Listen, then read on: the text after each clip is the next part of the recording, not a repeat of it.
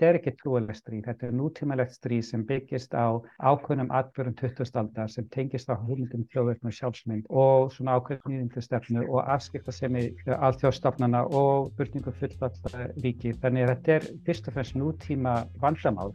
Magnús Þorkjell Bernhardsson, profesor í sögumið Östurlanda, ræðir átökin á Gaza og afhverju fríðarvonin er í höndum örfára manna. Þetta eru 7 mínútur með fréttastofu Rúf. Ég heiti Freyr Gíja Gunnarsson.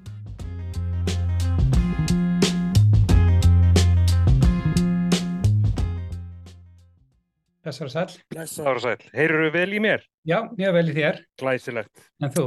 Já, ég heyri mjög vel í þér. Magnús Þorkell er profesor við Williams Háskólan í Massachusetts. Hann er sennilega eitt fremsti sérfræðingur okkar Íslendinga í málefnum mið Östurlanda. Dægin eftir hriðiverka árás Hamas, þann 7. oktober, sagði Magnús Þorkell einmitt þetta í sjómálsfrettum. Og mannsfalli verður svo gífulegt. Ba bara mannsfalli hjá Ísraelsmennum núna á síðustu tveimund dögum er meira henn hefur verið síðustu 12-15 árin.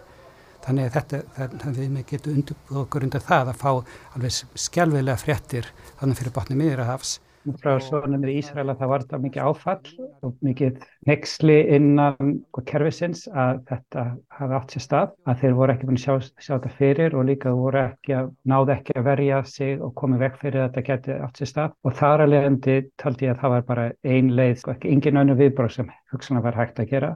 Hamas is ISIS and just as ISIS was crushed so too will Hamas be crushed Og líka ef maður bara skoðar álíka kringustæður í síðustu 20-30 árin þá hafa bara verið eitt svar. En þessi mikla harka hjá Ísæðismönnum, hef, hefur það komið þér óvart eða er þetta bara nákvæmlega eins og þú bjóst við að, að yrðu þeirra við? Já, þetta komir ekki óvart til miður. Að því að, að þessi aðgerð er ekki taktísk eða strategísk, það er ekki eitthvað svona loka takmark, við veitum, þau eru ekki búin að segja við ætlum að ná þess, þessari hæð eða þessari á eða ykkur þessari borg. Eh, þetta er byggist á hemmt.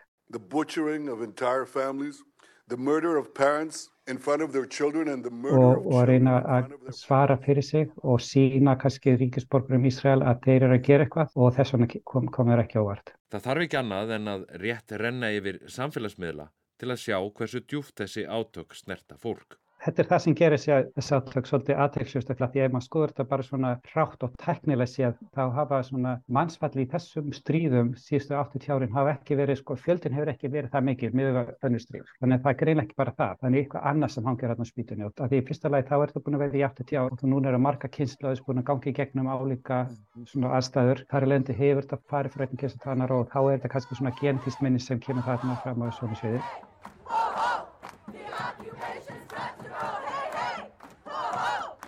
Og síðan er líka ekki bara það, heldur líka að, að þeir sem eru í helstu hlutverkunum og þeir sem eru kannski tilheyra þeim hóp í víðum allan heim, þeir sem eru arabar eða muslimar eða gýðingar, að þá drefur þetta fram svona ákveðna hræðslu og ákveðin kannski svona tilfinningu að það sé vera beininni gerast árans á þig, einstaklingin, og, og þar lendi þá vekur þetta mjög uh, rjögrétta hugsunum að, að þetta er svona tilvistastríð, þetta er annarkort eða og, og þetta er byrjun að endinu.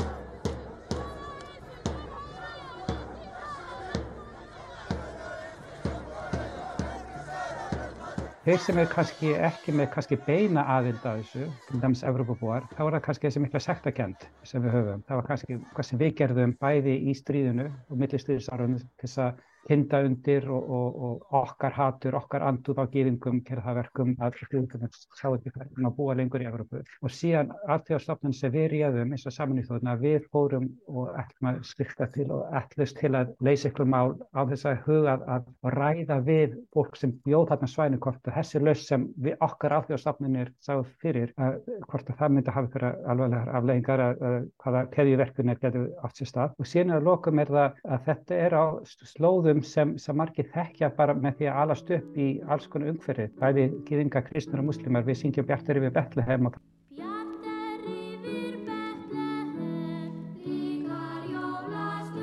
jól og páskar og uppstilningardag, hvítasunnudag og allir þessi helst hátíðir sem við komum saman við Íslandingar og erum í það með fjölskyldunum og gerum það, við erum að halda upp á eitthvað atbyrg sem gerðist þarna fyrir bort meira. Þannig að þó svo við sem ekki endilega spá í það þannig, en þá, þá er þetta bara hluti á okkar menningu uh, sem við finnum það í, í, í okkur sjálf og þá þar lendi erum við með kannski aðeins öðruvísi tilfinningar akkvært þessu heldur en eitthvað gerast í Myanmar eða, eða, eða Nígeríu. Og svo er það þessi mikla andúð sem arabar, múslimar og gýðingar á Vesturlöndum hafa fundið fyrir síðan að átökin brutust út. As the FBI has noted, we are seeing an increase in reported threats against faith communities, particularly Jewish, Muslim. Þetta er með það sem sko bæði arabar og muslimar og, og gýðingar hafa mikla ágjör af sem búa fjarrri þessu stöðum að þessi átök millir þessar aðalas að það hefur neikvæð áhrif á þínar stöðu sem þegna annars stað. Fyrsta lagi er kannski eitthvað svona undirlikjandi andúð eða e, fólk er kannski mjög fljótt í að, að skamma ykkur minnlutu hópa og, og hefur kannski neikvæð tilfinninga hvert heim en það er kannski að því þess, þessi deila er svo miklu tilfinningulega deila að því fólk er ekki að með þetta sem raun og verið hvað þessi deila í raun og verið er heldur hún snýst um eitthvað annað í hugum fólks og þá kannski læta það freka tilfinningar ráða og líka þú veist þetta sem er góðs og íls þannig að þetta tengis náttúrulega bara ákveðin svona tegund rasisma og kynþátt á fordómum annars verð og síðan líka kannski uh, þegar tilfinningar það ná fólki ofurlýri og, og til að ætti að taka lögin í einn hendur sem það hefur verið að gera við um allan heim.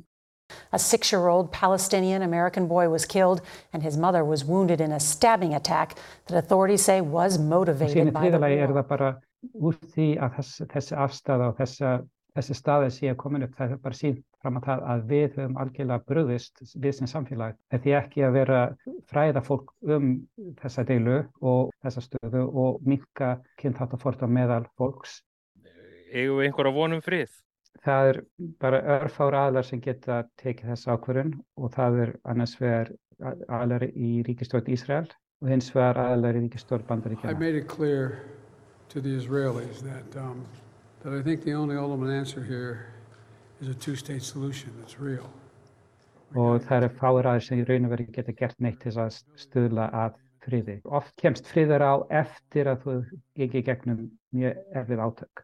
Þannig að friður kemur bara ekki upp úr þurru, friður kemur oft þegar fólk telur að strís ásandi sé ekki ásættilegt. Þannig kannski kemur það út úr þessu en það kemur samt ekki eh, grundvallar stóðurnar sem, sem þetta óréttlætti og óanægum byggt á leysist ekki. Þetta voru 7 mínútur með frettastofu Rúf. Næsti þáttur er á mánudag. Verði sæl.